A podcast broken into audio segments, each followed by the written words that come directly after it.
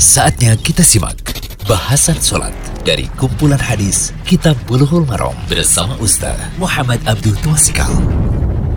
Alhamdulillah, salatu wassalamu ala rasulillah wa ala alihi wa man tabi'ahum bi ihsan ila yaumiddin. Allahumma anfa'na bima alamtana wa alimna ma yanfa'una wa zidna ilma. Puji syukur kita panjatkan pada Allah, selawat serta salam.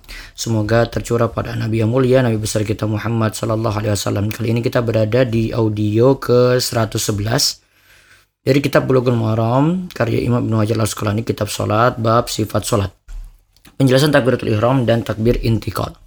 Hadisnya hadis 295 an Abi Hurairah radhiyallahu anhu qol kana Rasulullah sallallahu alaihi wasallam idza qama ila salati yukabbiru hina yakum thumma yukabbiru hina yarka. Thumma yaqulu sami Allahu liman hamida. Hina yarfa'u sulbahu min ruku'i. Thumma yaqulu wa huwa qa'imun rabbana walakal hamdu. Thumma yukabbiru hina yahwi sajidan. Thumma yukabbiru hina yarfa'u ra'sahu.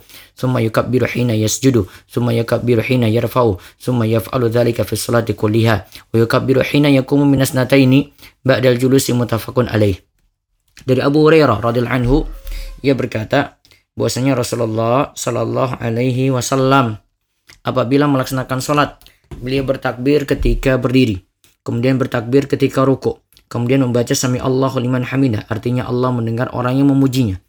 Ketika beliau mengangkat tulang punggungnya dari ruku dan beliau membaca ketika berdiri Robbana walakal hamdu artinya ya Rob kami hanya bagimu segala puji. Kemudian beliau bertakbir ketika sujud kemudian bertakbir ketika mengangkat kepalanya dari sujud, kemudian bertakbir ketika sujud kembali, kemudian bertakbir ketika mengangkat kepalanya dari sujud, dan melakukan demikian seluruhnya dalam sholat dan bertakbir ketika bangkit dari dua rakaat setelah duduk tahiyat. Mutafakun alaih hadis ini riwayat Bukhari dan Muslim. Nah, ketika mulai sholat, faedah hadis yang bisa kita ambil adalah ketika mulai sholat, dengan mengucapkan takbiratul ihram yaitu mengucapkan Allahu akbar. Jadi kalimat takbir yang dimaksudkan dalam hadis adalah ucapan Allahu akbar. Yang dimaksud sami Allahu liman hamidah adalah Allah mendengar orang yang memujinya. Namun mendengar di sini bukanlah sekadar mendengar. Mendengar di sini memiliki makna mengabulkan karena yang memuji Allah itu pasti mengharapkan pengabulan pahala. Kemudian yang ketiga, liman hamidah. Maksudnya adalah orang yang memuji Allah dengan sifat yang sempurna dengan penuh kecintaan dan pengagungan. Kemudian nomor empat, Rabbana walakal hamdu maksudnya adalah wahai Rob kami. Berikanlah kepada kami dan pujian pantas untukmu. Yang kelima, hadis ini jadi dalil bahwa ucapan takbir Allahu Akbar dianjurkan ketika masuk dalam sholat. Itu takbiratul ihram dan termasuk rukun sholat. Ya ini ingat ini termasuk rukun sholat.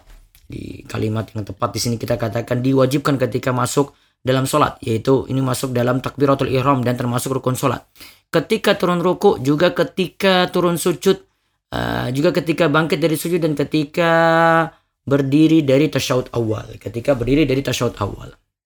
Kemudian yang keenam, Nabi Shallallahu Alaihi Wasallam bertakbir ketika membuka sholat, ketika turun, ketika bangkit selain bangkit dari ruku. Karena bangkit dari ruku kita baca Sami Allahu liman hamidah. Kita baca Sami Allahu liman hamidah. Kemudian yang ketujuh, nah tadi disebut di nomor lima tadi tentang takbir. Kalau takbir yang pertama kan takbiratul ihram. Sedangkan takbir nanti turun dan bangkit namanya itu takbir intikal. Ini ada ikhtilaf pendapat di antara para ulama. Sebagian ulama menganggap hukumnya wajib. Ini sebagaimana pendapat dalam mazhab Imam Ahmad. Dan sebagian ulama lagi menganggapnya sunnah seperti dalam pendapat Imam Abu Hanifah, Imam Malik, Imam Syafi'i, dan riwayat dari Imam Ahmad. Karena berdasarkan pemahaman dari hadis musik fi sholatihi. Artinya baiknya kita tetap baca ketika bertakbir akan turun dan akan bangkit. Kemudian yang kedelapan, ucapan sami Allah liman hamidah disyariatkan ketika bangkit dari ruku. Sebagian ulama menganggap bahwa bacaan ini berlaku bagi imam dan orang yang sholat sendirian. Imam dan orang yang sholat sendirian. Sedangkan makmum hanya membaca Rabbana walakal hamdu. Namun pendapat terkuat bacaan sami Allah liman hamidah berlaku bagi imam, makmum dan orang yang sholat sendirian. Dalilnya, dari Abu Hurairah dan Anas bin Malik disebutkan bahwa Rasulullah Shallallahu Alaihi Wasallam bersabda wa idza qala sami Allahu liman hamida faqulu rabbana walakal hamdu. Jika imam bangkit dari ruku, maka bangkitlah jika ia mengucapkan sami Allahu liman hamida. Nah, ucapkanlah rabbana walakal hamdu. Hadis riwayat Bukhari dan Muslim. Disebutkan oleh Imam Nawawi. Ulama Syafi'iyah ya memaknakan hadis di atas ucapkanlah rabbana lakal hamdu di mana kalian sudah tahu bahwa tetap mengucapkan sami Allahu liman hamida.